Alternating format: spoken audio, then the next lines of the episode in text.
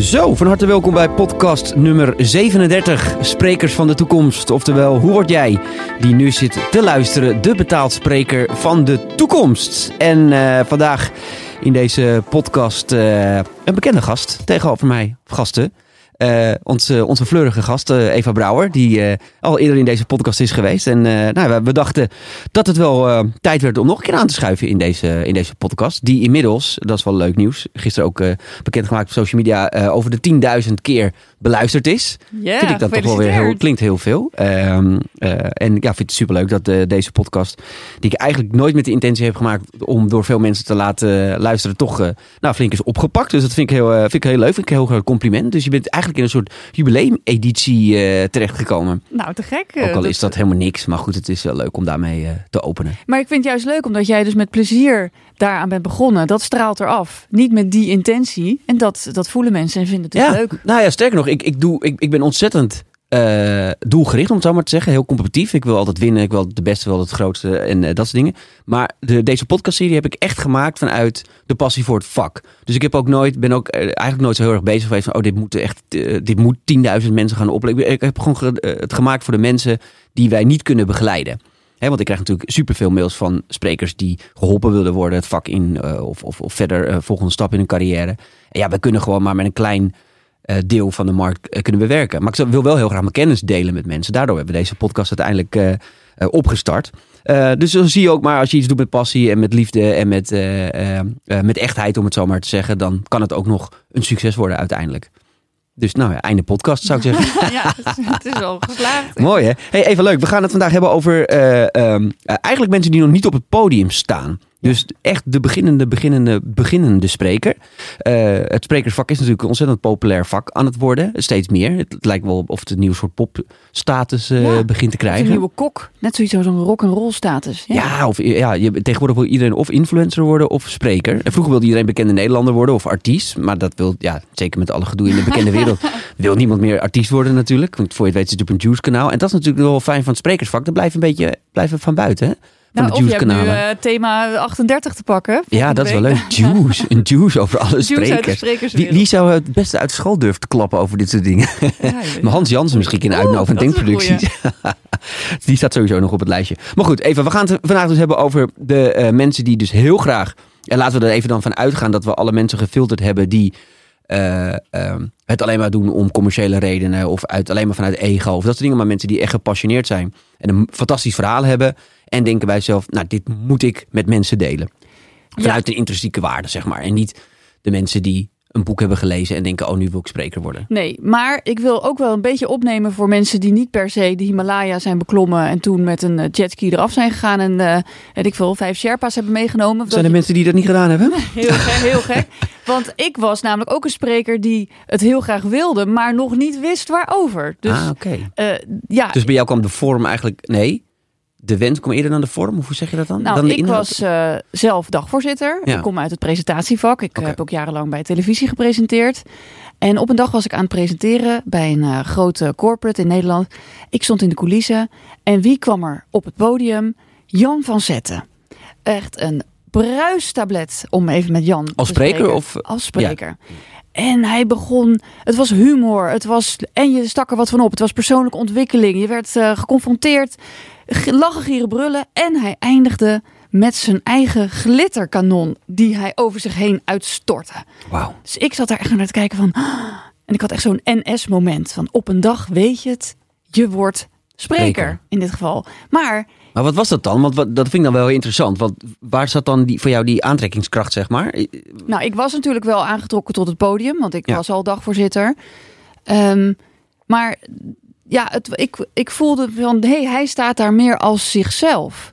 En okay. ik stond, sta natuurlijk als, als presentator sta je meer in dienst van op dat moment de opdrachtgever.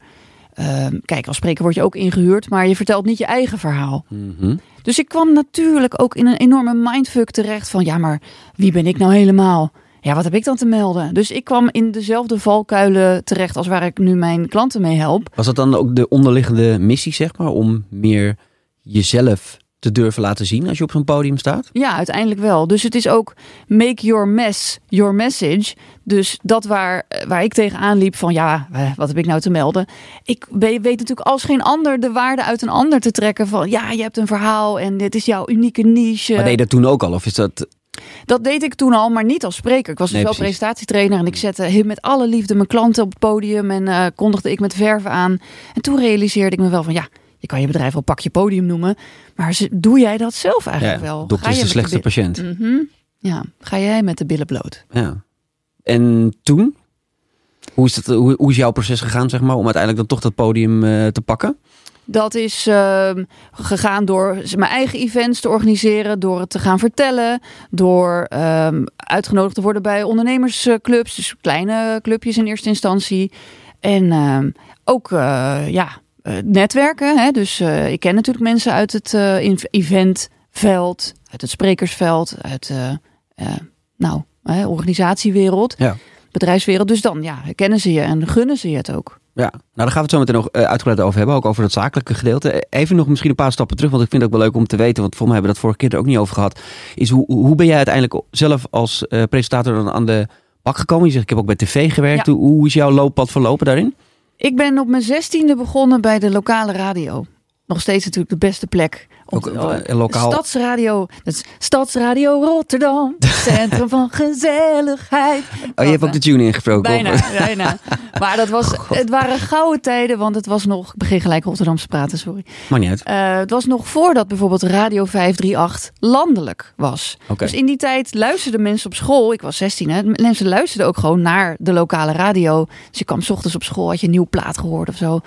En uh, s'avonds had je ook een, uh, een programma met Michel de Heij, met dancemuziek. En wij zaten daar al net voor. Dus het was allemaal, wauw, wat, wat gaaf. En die hele magie van dat vak, van die ja, eigenlijk de podcast is natuurlijk ook een soort radio maken. Dat is gewoon magisch. Ja. Maar wat deed je bij de radio? Je presenteerde? Ja, dus oh, ik presenteerde toen al mijn 16 een jongerenprogramma. Ja. Uiteindelijk bij de regionale omroep terechtgekomen als uh, nieuws, uh, als uh, presentator van het nieuws. Maar was je dan ook altijd degene in de klas die dan de, de, de, de, de ja. eindejaarsopdrachten deed en altijd op het podium stond? Ik was inderdaad, het is een beetje Amerikaanse traditie, maar toen ik mijn diploma-uitreiking had, was ik inderdaad degene die namens alle uh, zesde klassers dan oh wat mocht zeggen. Dus het zat er echt absoluut in. Ja, maar toen ben je bij de lokale radio gaan werken?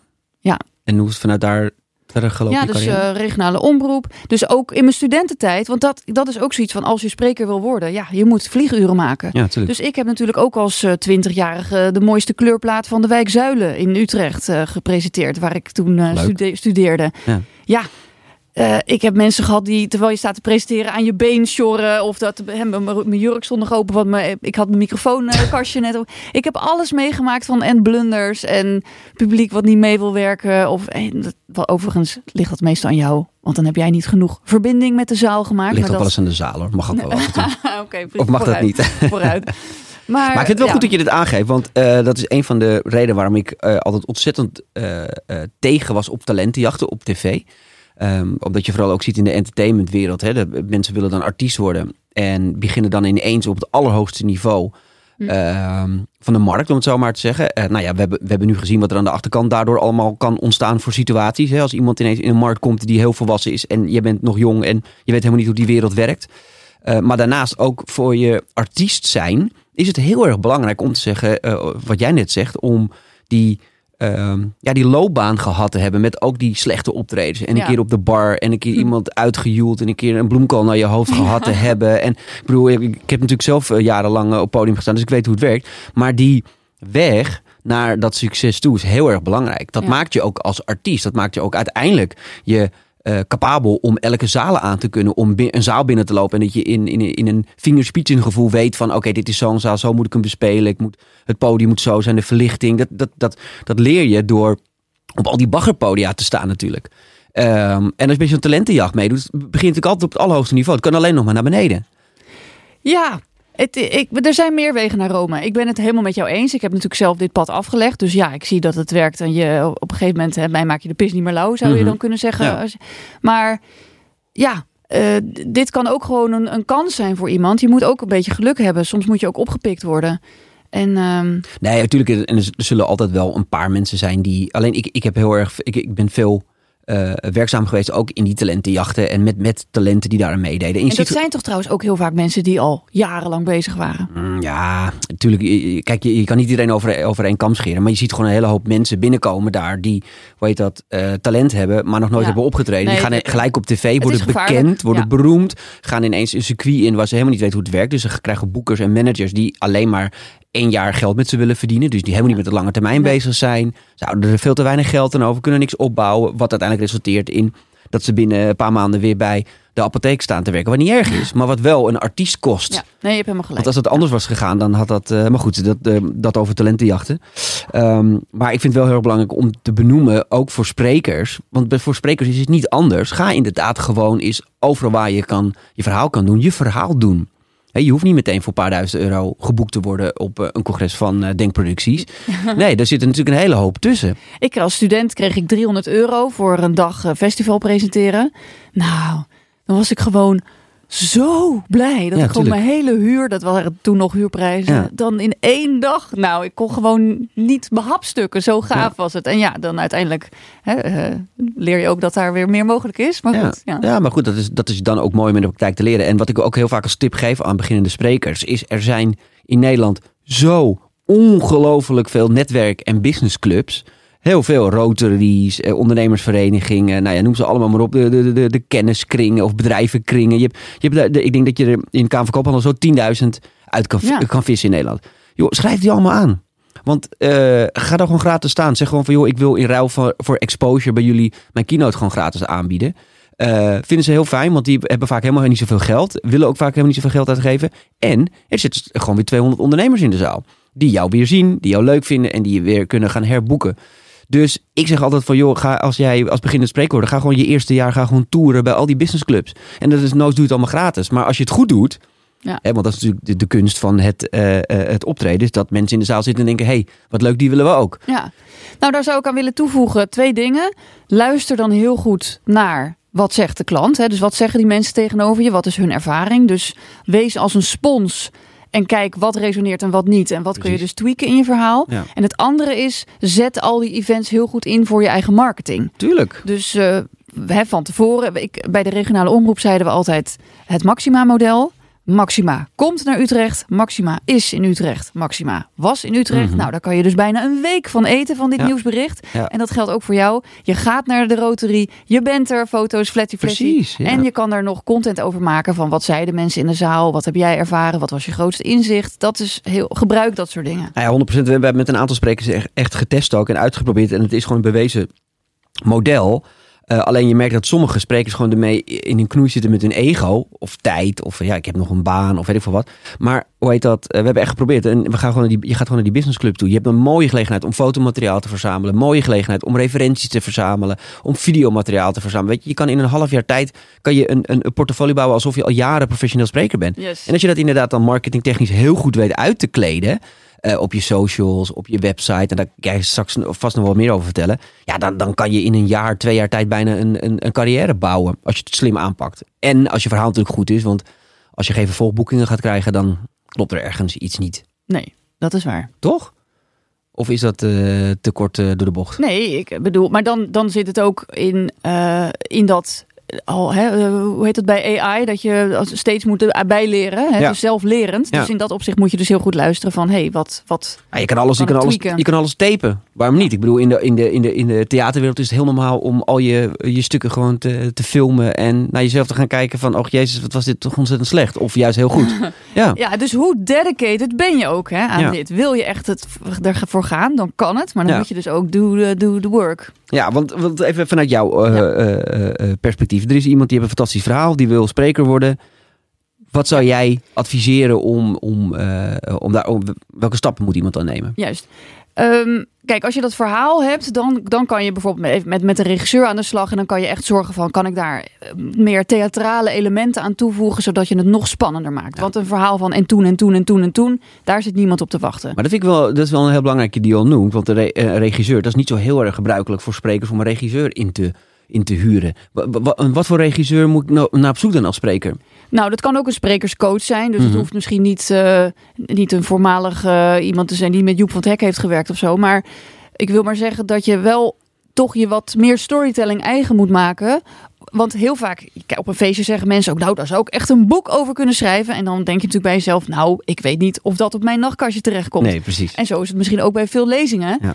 Dus ja, je denkt misschien dat is heel interessant voor mensen, maar uiteindelijk moet je altijd de brug maken naar je publiek. Ja. Dus het gaat niet over een soort vakantiedia's die jij eh, over de schutting gooit. Nee, wat is de boodschap? Wat leren we hiervan? Maar is die plat te slaan? Want dat is natuurlijk wel interessant. Wanneer is een verhaal podiumwaardig? Uiteindelijk kan je ook een verhaal maken over een zak chips. Ja. Dat denk ik wel. Maar dat ligt dus ook aan hoe vertel je het? Hoe, sp- Mhm. hoe spannend maak je het? Hoe grappig? Wat voor kwinkslagen zitten Ja. erin? En, en Hangt ook wel een beetje van je doelgroep af. Kijk, als je echt in de corporate wereld wil werken, dan is het toch wel handig dat die zak chips dan in ieder geval als refereert aan. staan eh, voor klantvriendelijkheid. ja, Ja, ja. bijvoorbeeld. Nee, maar dat is 100%. Maar dat ligt dus aan die brug van Ja. wat, wat wil mijn publiek horen. Ja, maar dat is wel een interessant ook eh, eh, eh, voorstap, zeg maar. Want het is een stap die heel veel vergeten. Is dat tegenwoordig is er best wel een eh, enorme opkomende markt voor sprekers. Is ook eh, is, is niet zozeer de corporate wereld, maar ook de particuliere wereld noem ik het maar even. Ik noem de Michael Pilarczyks en de Tibor Olgers. En, ja, maar dat zijn eh, vaak wel ZZP'ers misschien, zou je het ook? Of ook zijn dat ja, ook, ja, ja, ja. Men- mensen die op zoek zijn naar eh, guidance, ja, persoonlijke Ja, ja, ontwikkeling in hun leven. En ehm, het is als spreker best wel belangrijk voor jezelf eh, te bepalen welke doelgroep je gaat aanspreken. Want deze richting, ik, ik wijs nu op tafel, dat ziet niemand, jij wel. ehm, de richting van zeg maar de, de, de zelfstandige eh eh, zelfcoaches, zeg maar, zelfhulpcoaches, die is dat, dat vergt een totaal ander marketingplan dan als je je wil gaan richten op de corporate wereld. En je ziet best wel vaak dat mensen zich aan het begeven zijn in de corporate wereld, terwijl ze eigenlijk hier willen zijn. En, dat wordt, en, en, en beide gaat zelden samen. Dat is heel interessant wat je zegt. Want bij het eerste zou je meer als bijna een soort goeroe-achtige presence eh, kunnen gebruiken. Ja. En, en het andere gaat inderdaad heel erg, eh, ja, ook over wat willen eh, managers voor hun medewerkers. Nou ja, kijk, Ja. En dus de, het, het vergt een ander verhaal en het vergt een andere marketing. Want, nou, ik noem Michael Blatje dan maar weer even, omdat ik vind dat hij als een van de beste dat, dat gedaan heeft. Dan moet je echt een platform rondom jezelf gaan bouwen. En eigenlijk bijna met je hele fanbase moet je relatie gaan opbouwen. Als jij je wil gaan richten op de corporate wereld, dan moet je vooral zorgen dat je de organisatoren, eh, dat je daar Ja. een relatie mee opbouwt, om het zo maar te zeggen. Dan zijn je eindgebruikers, hè, oftewel de mensen die in de zaal zitten, iets minder belangrijk dan als je zo'n zelfhulpcoach bent. Ik wil nog wel even nog een name droppen dan. Simone Levy. Dat is ook Zeker, iemand die ja. eh, misschien minder bekend is in het echte sprekerswereldje. En ook niet in, het, eh, in de corporate wereld. Maar wel echt een hele bijzondere, inspirerende spreker. Ja, ja. En, ja maar, die, maar die zit niet zozeer in de corporate wereld, toch? Die, Nee. Dat is ook echt zo'n zelfhulp. Eh, ja, ik vind, ik, wat is nou een goede term Ik daarvoor? denk dat het meer voor ondernemers is hoor. Dat, dat, eh, voor veel coaches. Ja, maar kijk, Ja. ondernemers, ja, dat vind ik natuurlijk ook wel grappig dat je dat zegt. Want eh, ze zullen vaak zeggen, ja, we doen het voor ondernemers. Maar het is vooral vaak voor mensen die ondernemer willen worden. en dat waarschijnlijk vaak nooit gaan doen, maar gewoon dit hele jaar dat ze programma's willen Nee, niet volgen. bij, nee dat, dat, dat, eh, daar zitten ze misschien wel bij. En die, Ja. die krijgen daar dan heel veel by proxy, heel veel inspiratie van. Maar er zijn wel degelijk ook echt heel veel ondernemers. Nee, die, tuurlijk, eh, tuurlijk, tuurlijk, tuurlijk. Maar goed, ik bedoel, dat is natuurlijk eh, met elke markt zo. Er blijft altijd een groep aanhangen en plakken die het gewoon heerlijk vinden om Ja. dat soort seminars te volgen. Ehm, maar goed, dat is dus wel een belangrijke twee, eh, ja, eh, een, een spoor waar je moet kiezen voordat je gaat beginnen. Oké, dus we hebben zeg maar gehad van, nou, je wil spreker worden Ja. of je hebt een heel goed verhaal. Nou, Mhm. ga dan aan, aan de slag met dat verhaal. Eh, ben je meer van, ik heb een bepaalde expertise en een bepaalde visie daarop.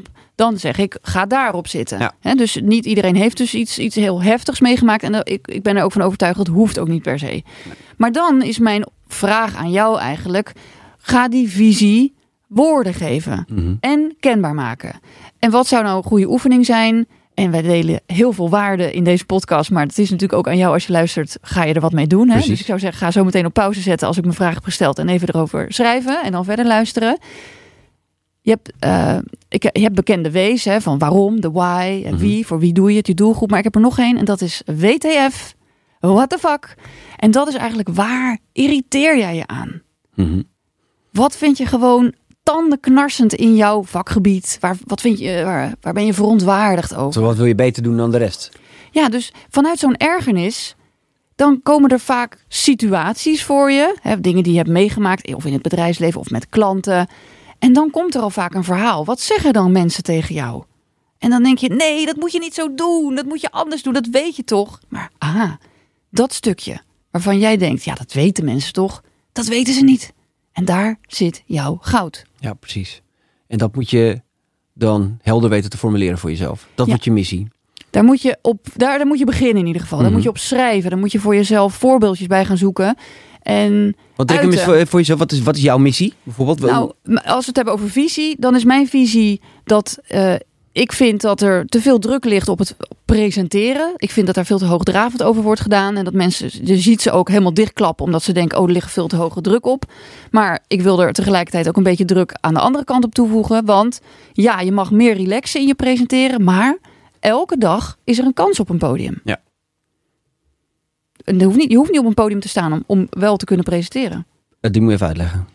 Ik, van de week belde een klant van mij. Die zei, Eva, ik heb het gedaan. Pak je podium. Ehm, er moet volgend jaar een nieuwe kantoordirecteur komen. En ik heb nu al tegen de HR-directeur gezegd van... Goh, wat is eigenlijk het profiel dat voor die kantoordirecteur is? Want eh, misschien eh, ben ik daar wel geschikt voor. En zo niet, kunnen we nog even kijken wat er voor nodig is... dat ik die baan kan krijgen. Ja, precies, op die manier. Dus dat is een, op een ander front. Maar ze heeft natuurlijk onwijs veel moed en lef om, dat, om die stap te maken. Ja, precies. Dus jij zegt eigenlijk, eigenlijk eh, het, het, het, het sprekersvak, het presenteren vak, eh, zijpelt eigenlijk door in alle facetten van ons leven. Ja, dus, Want eh, op de werkvloer moet je ook af en toe je podium durven pakken. Helemaal. Ja. Hoe wil jij carrière maken? Hoe wil jij straks de manager van die hele token worden? Hoe wil jij eh, ook vanuit je vakgebied op het podium gezet worden? Dan moet je opvallen. Dan moet je een bepaalde visie hebben. Je moet het goed kunnen brengen. Je moet mensen meenemen. Je moet inspireren. Hoe doe je dat? En dat doe je met die presentatietechnieken ook aan de vergadertafel. Oké, en dan heb ik uiteindelijk mijn, eh, eh, eh, mijn verhaal. Dus ik heb, hoe heet dat, of tenminste mijn missie bepaald als spreker. Zullen we hem even op de corporate wereld houden, zeg maar? Ja, Anders dan wordt het namelijk een Ja. hele ingewikkelde Nee, podcast ik om naar te luisteren. Dat we hem even ophouden van, oké, ik heb een verhaal voor de corporate wereld. En dat mag zijn, god, ik wil iedereen helpen om marketing aan te passen anno 2023. Ik zeg maar even iets geks. Dat is mijn missie, dat is waar ik geleerd in heb, dat is waar ik verstand van heb, daar kan ik veel over vertellen. Ehm, en dan? Hoe ga ik ervoor zorgen dat ik uiteindelijk geboekt ga worden? Hoe heb jij er uiteindelijk voor gezorgd dat je geboekt gaat worden? Ja, dus bij dit, eh, dit marketingverhaal. Nou, ik ben ook heel goed gaan luisteren naar de taal van mijn klant. Dus ik weet dat met dat, dat presenteren aan zich, hè, om met Jos Burgers te spreken. Mensen willen geen boor, ze willen een gat in de muur. Mhm. Dus mensen willen niet per se presenteren, maar ze willen wel meer verdienen. eh, meer als eh, expert te boek staan. ehm, zich kunnen onderscheiden ten opzichte van hun collega's. Dus dat zijn de doelen. Dus toen Mhm. dacht ik van, hé, hey, als ik mijn seminar nou impactversneller noem, dan zit ik veel meer op een doel. Hè, impact versnellen door charismatisch communiceren en presenteren. Dan zit je veel meer op het, op het doel van die marketing. Dus, of hè, in dit geval presenteren. En dat geldt dus voor die persoon met marketing ook. Ja, dat is te vaag. Maar meer klanten of meer verdienen of eh, ja, eh, watertandend eh, advertising, ik Mhm. verzin maar wat. Ja. Dat is, begint al meer richting wat wil de klant te komen. Ja, precies. En eh, dan moet je thuis gaan zitten wachten tot de telefoon gaat. Dan moet je als de wiede weer gaat zelf een bio voor, je, voor jezelf gaan schrijven. Ja. Als oefening voor jezelf. En ik zou je zeggen, ik denk dat dat een van de moeilijkste dingen is. Want het is een soort, ja, eh schizofreen dat je dus over jezelf gaat zitten zeggen van waarom moet je mij boeken als product of dienst. Ja. Maar ja, die oefening is wel by far het beste. Ja, wat je ook kan, ook kan doen, wat we vaak met sprekers doen die dit vervelend vinden om over zichzelf te schrijven, is gewoon iemand ze laten interviewen. Ja, dat is natuurlijk ook een optie. En dan iemand anders het laten schrijven, kan natuurlijk ook. Hè. Maar het is natuurlijk een hele leuke oefening om het gewoon zelf te doen. Eh, wie ben ik? Waar kom ik vandaan? En, eh, en waar ga ik naartoe? Ja, maar dan niet van, oh, ik ben Marlies en ik woon in Zoetermeer en ik heb drie kinderen. Overigens, Marlies, als je luistert, daar is natuurlijk helemaal niks mis mee. Maar eh, wat is ook hier in die bio, wat heb jij te brengen? Waarom is het relevant dat ik dit nu hoor? Wil ik nu meer personeel? Wil ik meer werkvreugde? Nou ja, en waarom ben jij expert op dat vakgebied? Want kijk, die expertschap is ontzettend belangrijk. Want iedere, ieder bedrijf wil een expert inhuren. Er is niemand die zegt, nou, doe maar mij maar iemand die er een beetje verstand van heeft. Ja. Vind ik ook prima. Weet je, als je gewoon twee boeken heeft gelezen, dan, eh, dan kan je van mij boeken. Nee, dat is niet, iedereen wil een expert. Ja. Iedereen wil, eh, als hij een, een, een, een evenement organiseert voor zijn relaties over leiderschap, dan wil je de allerbeste leiderschapsspreker hebben. Ja. Dus die moet je gaan claimen. Je moet gaan claimen van waar zit dan mijn expertise, waar komt die vandaan en waarom kan ik jullie daar wat over vertellen? Nou, ik, kijk, je kan altijd al wat zeggen. Hè? Dus eh, ik begon ooit door te zeggen van ik ben, eh, ik ben dagvoorzitter. eh, eh, er waren gewoon titels. Ik, ik werkte bij televisie, weet je, dan kon ik Ja. dat zeggen. Nou, er werken wel meer mensen bij tv, dus niet zo boeiend.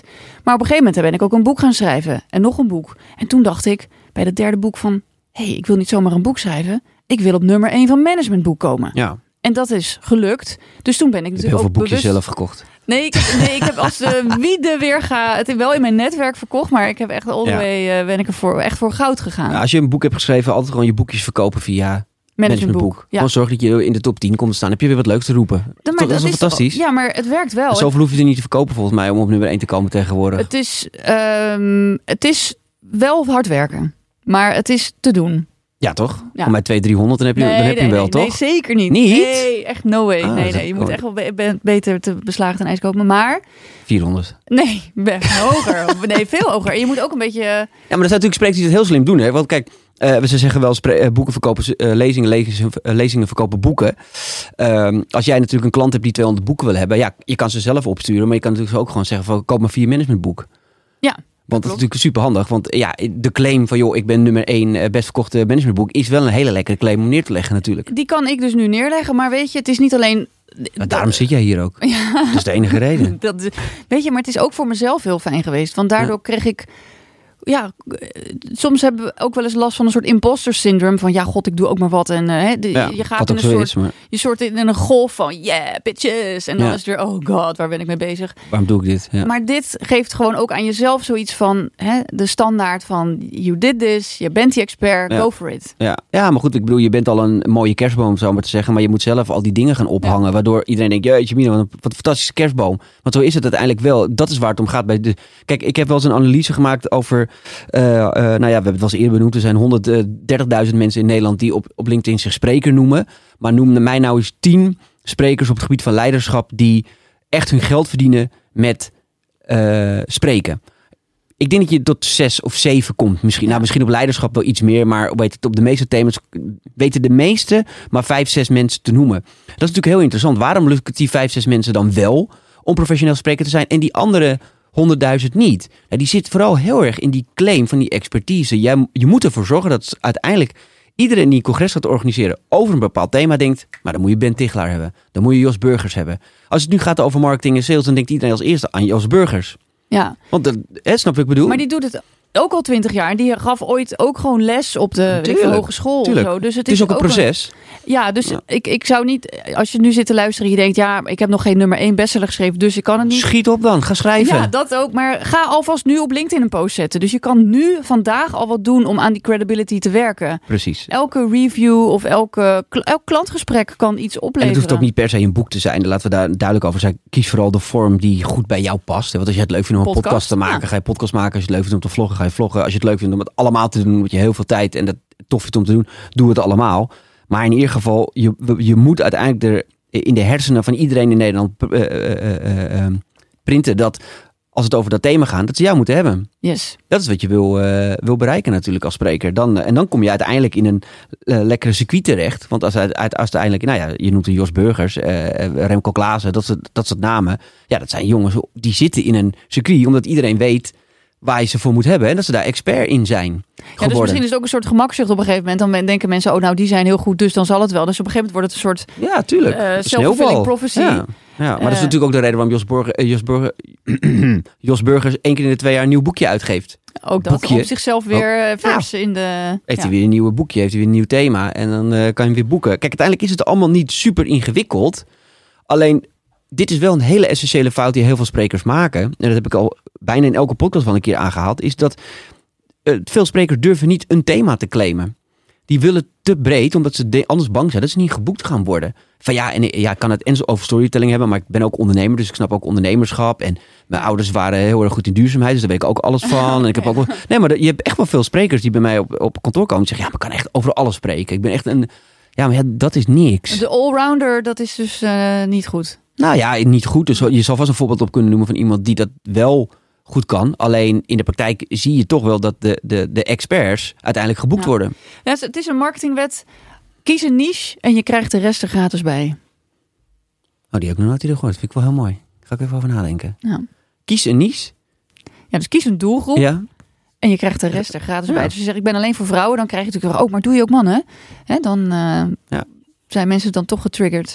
Maar ja, dat vrouwen is, wel- natuurlijk trouwens overigens veel te wijd. Hè. Je moet natuurlijk nog specifieker eigenlijk. Ja. Maar goed. Maar heeft het jou, eh, eh, werkt het in je voordeel of in je nadeel? Dat je vrouw bent in, in een... Dat, of, of ik vrouw ben in, in, Ja, in de o- sprekers? Ja, dat is ja. alleen maar voordeel natuurlijk. Ja? Nou, oké. Zeker als dagvoorzitter, dan is het echt, eh, ben je spekkoper. Want dan ben je natuurlijk gewoon de excuustruus. Dan kunnen ze het hele... De hele, ja, maar ik zeg altijd omarm je excuustruuschap. Want je bent al gewoon dan daar. En dan kan je laten zien wat je kan. Dus, ik weet niet eh, of alle feministische vrouwen die hier niet zitten luisteren dat leuk vinden. Maar Dat uh, moeten wat je zij weten. Maar ik eh, profiteer er natuurlijk van. En ik, eh, ik grijp die kans. En ik, eh, ik, I'm, I'm showing up. En Ja. ik laat zien wat ik kan. Maar... ehm, ja, want daar gaat het natuurlijk ook wel om. Hè. Het is ook... Want kan je, zeggen, kan je nog zeggen dat je in een redelijk mannelijke wereld ja, bij dat, op een podium staat? ja, dus als Ja, dagvoorzitter... Ja, dan, dan zie je dat er heel veel mannelijke sprekers zijn. Maar dan ben jij in ieder geval maar ook veel, mensen, veel mannelijke gasten in de zaal, toch? Ja, bijvoorbeeld bij IT-dingen Ja, of eh, accountants dan wel, relatief. Als spreker zijn er zeker meer mannen dan vrouwen. En ik, het is ook wel grappig dat mannen... Waarom, waarom is dat nou toch zo? Om, het is van mannen is het... Oké, er is dus een beroemd eh, experiment geweest op, op Harvard. eh, bij de afdeling eh, sociale psychologie. En dan heb je het cv van een vrouw. Een super top investeerder uit Silicon Valley. En zij heet Heidi Rosen. En 100 studenten sociale psychologie krijgen dat cv uitgereikt met de vraag: Nou, wat denk je dat Heidi voor type is? Ja. Vervolgens krijgt een andere groep van 100 studenten hetzelfde cv, maar daar is de voornaam van de echt bestaande Heidi Rosen vervangen door Harold. En dan vragen ze dezelfde vraag: van, Nou, wat vinden jullie van Harold? Nou, oké, mag jij, wat denk je dat ze bij Heidi zeggen? Ik heb geen idee. Nou, dan is het, ja, die is wel echt achter de ellebogen. Zeg, Eh, dat B-woord volgt al snel. En Oh ja? eh, ja, dat kan nooit, hè. Dat is echt eh, over de ruggen van anderen gegaan. Oké, wat zeggen ze over Harold? Nou, heb je al enig vermoeden? Ja, expert en geleerde man. ja, en, wat een visionair. Ja, en dat doet hij toch maar. Elon Musk-achtige taferelen. Dus dat is een soort vooroordeel in het meest extreme... wat mensen over vrouwen met autoriteit zeggen. Ja. En dus is het voor vrouwen ook de kunst. Hè? En ik, ja, ik, ga, ik, ik chargeer natuurlijk nu, want tegenwoordig eh, willen we niet alleen maar over mannen, man en vrouw, maar goed. Het is dus ook de kunst om autoriteit en sympathie Ja. te wekken. Want een- Ah, en wat ik heel erg gemerkt heb in de praktijk, want ik merk dat onze klanten willen het liefst een vrouw. ja. Want iedereen wil het liefst een vrouw op het podium. Zeker in het mannenlandschap. En we hebben al zoveel mannelijke sprekers. En dus vrouwen zijn heel populair. Alleen je merkt toch wel dat het soms voor vrouwen dan moeilijk is om eh, eh, overeind te blijven in de mannenwereld. Om het zo maar even te zeggen. Dat klinkt misschien een beetje... ja, waar ligt dat dan aan? Ja, dat, dat weet ik dus niet zo heel erg goed. Maar je merkt dan toch dat, dat, dat er maar, ehm, eh, nou ja, helaas nog maar een handjevol vrouwen zijn die echt, nou ja, zoals jij, die gewoon daar gaan staan en hem ownen, om het zo maar te zeggen.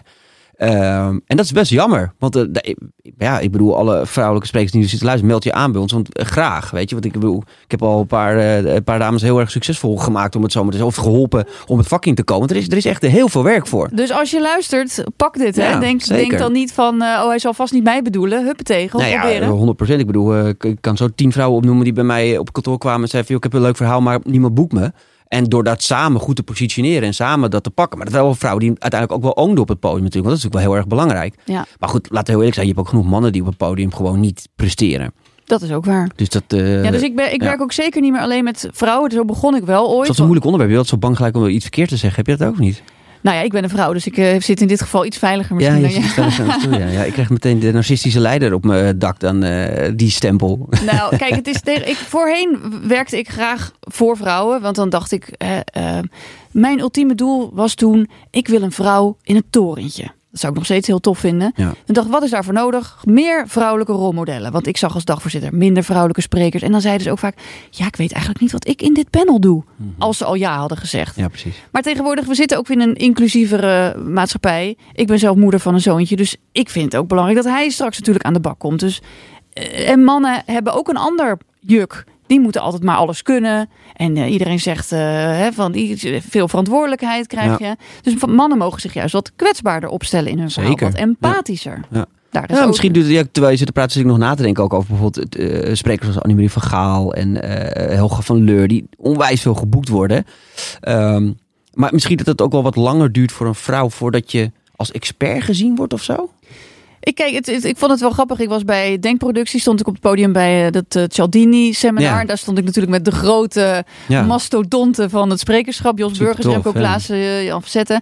En zij kunnen gewoon heel makkelijk zo zeggen. Ja, ik heb natuurlijk een bestseller geschreven. En met een glimlach wel. Maar ja. mensen accepteren hun ja, ze accepteren gewoon dat ze even daar uh, hun terreintje afplassen, zeg maar. Maar is dat dan anders als een vrouw dat zou zeggen? Ja, dat is zo. Dus als vrouw moet je veel meer daar in een soort storytelling gebruiken van... Uh, nou, toen was ik natuurlijk bezig met mijn boek en dat... Nou, dus dat, dan moet je een soort... Daar kan je niet zomaar even de, de, de claim op Een soort bonobo-apen uithangen. Nee. Is mijn, het is nu mijn overtuiging. Dus het is misschien als je me over een jaar vraagt... Nou, ik, vind het heel, ik vind het een heel interessant thema. Omdat ik namelijk ook de antwoorden niet heb. Maar ik merk wel dat er nog steeds verschil is. En dat er dus blijkbaar nog steeds... Ja, ik bedoel, wij, wij, wij krijgen soms ook wel eens commentaar van... Ja, jullie hebben alleen maar mannen in de line-up. Denk ik ook van ja, je hebt, je hebt gelijk ook. Maar ja, we hebben het over dit thema. En ja, ik ken gewoon op dit thema niet zo heel veel vrouwen... die echt een fantastisch verhaal hebben hierover. Maar dat vind ik wel heel erg eigenlijk. Want ik, zou, ik, ik bedoel, uh, ik, ik, ik boek niet expres alleen maar mannen. En wij boeken ook overigens bij Quality heel veel vrouwen hoor. Dat, dat is echt wel... Uh, um, maar ik, ja, weet je, als iemand uh, daar de, de, nou, dan, dan zou ik het ook willen, de uitnodiging aan jou willen doen. Van stel, je hebt een supergoeie vrouwelijke spreker en er komt een bepaald onderwerp binnen. Hoe kun je die dingen matchen? Dus hoe kan zij met haar thematiek beter aansluiten bij dat thema? Ja, ik, op een of andere manier hebben, hebben we daar nooit zo over na hoeven te denken in de praktijk. Want het werkte wel gewoon. Ik bedoel, nou, noem bijvoorbeeld Deborah Nas. Nou, die, die kwam een paar jaar geleden bij mij van, joh, ja, ik ben professor TU Delft. Uh, ik wil graag wat meer podium op. Nou ja, dat hebben, we, we hebben er samen gewoon hard aan gewerkt. Zij hebben een fantastisch verhaal. Ze blijft bo uh, overeind voor, voor duizenden mensen publiek. en wij hebben de marketing aan de achterkant heel slim opgetuigd. Ja, weet je, die, die, die, die, die, gaat, die gaat door het plafond heen, om het zo maar te zeggen. En zo zijn er wel meer sprekers die gewoon... Dus we hebben nooit zo heel erg met dat vrouw zijn bezig hoeven te zijn. Um, ja, alleen op een of andere manier krijgen we ook wel gewoon meer aanmeldingen van mannen, denk ik. Ik denk het wel. Dat is natuurlijk dat een beetje vacatureverhaal van... oh, ik zie vier van de tien dingen dat kan. Nou, dan, uh, dan kan ik, maak ik best kans. Terwijl een vrouw denkt van... oh god, uh, nee, dit kan ik niet. Nee, dan kan ik niet reageren. Nou, dus vrouw van Nederland, allemaal aanmelden. Yes. Hè, zullen we dat gewoon, uh, zullen we dat, gewoon zeggen? Grijp dat aan.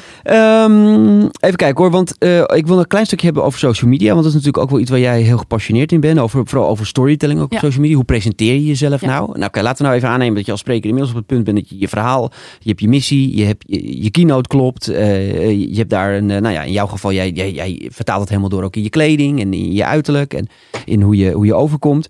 Um, en dan, hoe, hoe, hoe, ga je dat dan vervolgens uh, uitrollen op, bijvoorbeeld social media? Ik, ik had pas zo'n inspirerend voorbeeld. Was een, een eigenaar van een incassobureau. Die deed aan kickboksen. En hij zei, ik kan dus heel goed incasseren.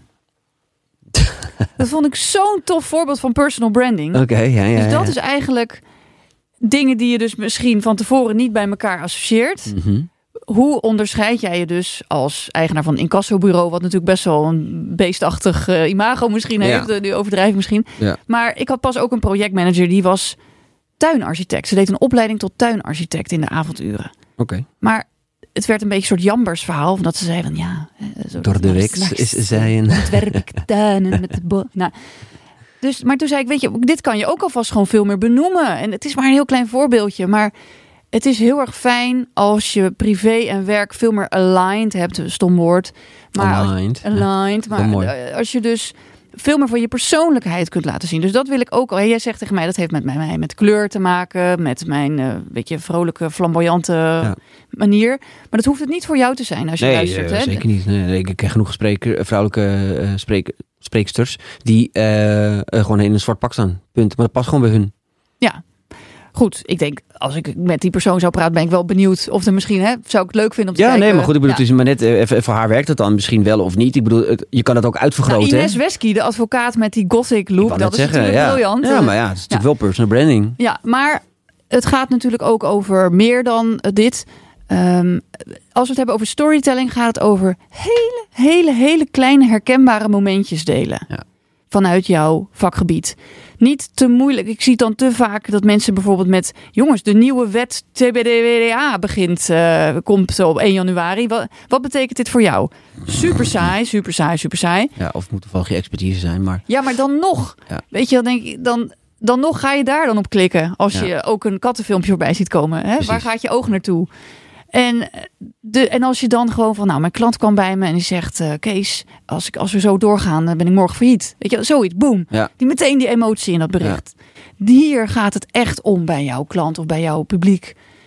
Eh, En denk, denk daar eens over na. Dus wees niet te beleefd, te formeel. Maar hou het dan ook, ook zoveel mogelijk bij jezelf. Want dat is ook wel het makkelijkste. Ik bedoel, als je een uh, compleet karikatuur gaat bedenken voor jezelf als spreker, bijna een soort avatar, dan wordt het ook heel lastig om continu die vertaalslag te maken. Maar als je gewoon bij jezelf blijft, je bent al een uniek, gek, raar, typisch persoon. Uh, als je dat gewoon durft te accepteren en dat durft te omarmen en dus durft uit te vergroten, dan is het ook niet zo moeilijk volgens mij om, uh, om tot content te komen, om het zo maar te zeggen. Nee, eh, en, en dat is dus ook, content ligt gewoon op straat. De dag, voor, ik, op, de dag dat ik mijn seminar had, om half acht ochtends loop ik het hotel in waar, de, waar dat event was. En toen kwam ik een jongen tegen met een hele grote tatoeage van een kwal op zijn bovenbeen. Oké. Okay. Dus ik echt zo, what the fuck. Why? Ik denk, ik denk, ik ga er even wel. Ik zeg, mag ik even het verhaal weten van jouw tatoeage? En hij zegt, dat herinnert mij er elke dag aan dat ik in flow mag zijn. En hij maakt ook met zijn hand zo'n beweging van, woe, van een kwal. En dat, is dus, dat was gewoon content licht op straat. Ja. Dus als ik, als ik volgende week bij jou zou zijn, heb ik een ander voorbeeld. Ik bedoel, Ja. Dit soort kleine scènetjes, die, die liggen er gewoon voor het oprapen. En wat ga jij vertellen wat relevant is voor jouw publiek? Ja, ik denk dat dat, uh, dat, dat content maken in een nutshell is. Dat is Ja. ook wel een mooie. Nutshell. Hey, uh, even tot slot, want we zijn eigenlijk alweer over de tijd heen. Uh, uh, en dat vind ik wel een belangrijke, want daar gebeurt eigenlijk... Ja, hoe, hoe, belangrijk is netwerken voor jou uiteindelijk in de praktijk? Heel belangrijk. En hoe doe je dat? Was ik eigenlijk een beetje vergeten. Um, maar nu ben ik er weer volle bak in. Ik was bij het uh, managementboek gala en ik ging daarheen. Ik denk, nou, ik ken echt helemaal niemand. En de hele avond gewoon superleuke gesprekken. Bijvoorbeeld met de auteur van het boek Hou je feedback. Hoe vind je die? Die, die ken ik helemaal niet. Maar... En ik had ook een rood pak aangedaan, dus ik viel ook op. Jo. En um, ja, ik weet het niet. Het was gewoon. Ik heb daar zulke interessant. Ik ben toen uh, heb ik in contact gekomen, zodat ik nu op het, het grootste kennisfestival sta in Groningen. Mhm. Mm -hmm. Dat is daar ontstaan, doordat ik die persoon heb ontmoet. Ja. Dus ja, het is. Hoe brutaal ben je daar dan in? Eh, Zeg je ook gewoon tegen zo'n organisatie: van, kan ik niet bij jou op het nee, podium want ik komen wist staan? helemaal niet dat, het, dat hij het was. Het was gewoon okay. aan de bar van: heb jij ook een boek geschreven? Ik ja. En jij dan? Ja, zo weet je wel, een beetje zo een beetje tof over, doen. Overbluffen. Ja, dus meer vanuit gekkigheid dan vanuit, ja. uh, oh, ik ga, net een beetje zoals met jouw podcast. De intentie is gewoon een leuk gesprek. Ja. In nieuwsgierigheid. En hé, hey, dat rolde eruit. Precies. Ja, nee, uiteindelijk is netwerken dat ook. Ik bedoel, uh, het, is, het, is, het is soms ook gewoon jarenlang investeren in relaties. Maar ik, ja, weet, ik vind het wel heel belangrijk, het moet geen trucje worden. Weet je, het moet wel echt blijven. Het moet wel voortkomen ook uit uh, oprechte interesse in iemand. Want als je het gaat faken... En dan, dan word je zo'n visitekaartjes uitdeler op, op zo'n op zo'n borrel, om het zo maar Ja. te zeggen. Dus het moet voor mij wel authentiek blijven. Eh, en als je ook merkt dat je iemand, iemand geen klik hebt, maar hij is wel een hele belangrijke speler in de markt, boeien. Dan heb je maar geen klik met hem. Ja. Dat maakt helemaal niet uit. Dat wil ook niet betekenen dat je geen werk van hem krijgt. Maar of betekent het dat wel, dan zijn er misschien nog 900 congresorganisatoren waar je wel een klik mee hebt. Ga daarna op zoek. Anders maak je je leven alleen maar ook, uh, weet dat, uh, uh, heel onbedoeld ingewikkeld. Ja. En ik denk dat netwerken vooral heel leuk moet zijn. En je leuke, leuke mensen in je omgeving moet hebben. Op mijn eigen event had ik, een, had ik zingende fotografen ingehuurd. Oké. En die hadden, waren dan verkleed als cowboy. Ja, als je, bear with me als je nu luistert. Verkleed als cowboy. Die waren aan het zingen en tegelijkertijd foto's aan het maken. En dus alle mensen die geweest waren, deelnemers, gingen met mij op de foto. Dus ik was, dacht natuurlijk, haha, heb ik met iedereen lekker Ja. even een contactmoment. Ja. En een leuke foto als aandenken. Terwijl Boney M, uh, bij, echt Daddy Cool, gewoon serieus, dat nummer. Weet je wel? Maar dat gaf zoveel vreugde Mhm. en gewoon joligheid. Dat was een veel leukere manier natuurlijk om nog naderhand met elkaar Ja. te praten dan, ja. En, en wat doe jij? Nou ja, dat weet je. Wees gewoon jezelf. Heb het gewoon over normale dingen die je ook met normale mensen in de kroeg gaat bespreken. Ga niet de hele tijd ook.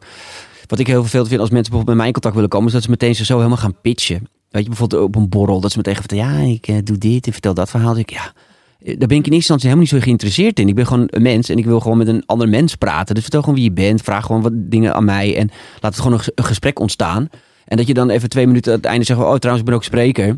Weet je, dat is, meer, dat is vaak meer dan genoeg. Dat is veel leuker dan dat iemand meteen ook op LinkedIn bijvoorbeeld, uh, hoe heet het, complete A4'tjes gaan vertellen wat ze allemaal Oh ja. wel niet uh, te Ja. vertellen hebben. Ik ga het niet lezen. Maar als iemand gewoon stuurt, hey, joh, ik uh, geniet van je podcast, uh, heel veel succes ermee. Bijvoorbeeld. Dat vind ik leuker dan eh, dat iemand meteen een hele pitch komt vertellen van... eh, en daar ontstaan vaak ook wel de gesprekken uit, uit dat soort korte berichtjes. Ik denk dat ik Ja. morgen heel veel korte berichtjes ga Ik krijgen. zeggen, op mijn- knoop het in je oren mensen. Er is natuurlijk wel een manier dus om goed in Nee, ja, maar contact te eh, komen. ik vind het heel leuk om met mensen contact te hebben. Maar met mensen vind ik het leuk om contact te hebben. Ja. Ik hoef niet zo nodig met producten. Weet je, dat komt later wel. Weet je, je kan je later wel bewijzen of je goede spreker bent of niet. Nou ja, goed. Dus dat is eigenlijk kort gezegd de boodschap. We zijn ruimschuiten over de tijd heen. Nou, dat was gewoon, eh, het is voorbij gevlogen. Het zit vol met tips volgens mij. We gingen wel een beetje van links naar rechts, maar dat doe ik sowieso altijd wel een beetje. Dus volgens mij eh, zijn mijn luisteraars dat inmiddels wel gewend. Maar eh, ik wil je bedanken voor Ja, alle hele praktische. Heb je nog één laatste overtreffende tip om Ja. af te sluiten? Niet iedereen zit op jou te wachten, maar sommigen zitten om jou te springen. Dankjewel. Eva Brouwer. Jullie allemaal bedankt voor het luisteren naar eh, deze podcast. Eh, ja, check vooral gewoon even alle, alle 36 podcasten die inmiddels online staan. En op naar de 20.000 views. Ook al zijn we er daar, daar nooit voor begonnen. Maar het is wel leuk natuurlijk eh, om dat wat op te pimpen. Ehm, en hou de website goed in de gaten. qualitybookings.nl en sprekersvandetoekomst.nl voor nog veel meer leuke en inspirerende podcasts. Dankjewel voor het luisteren.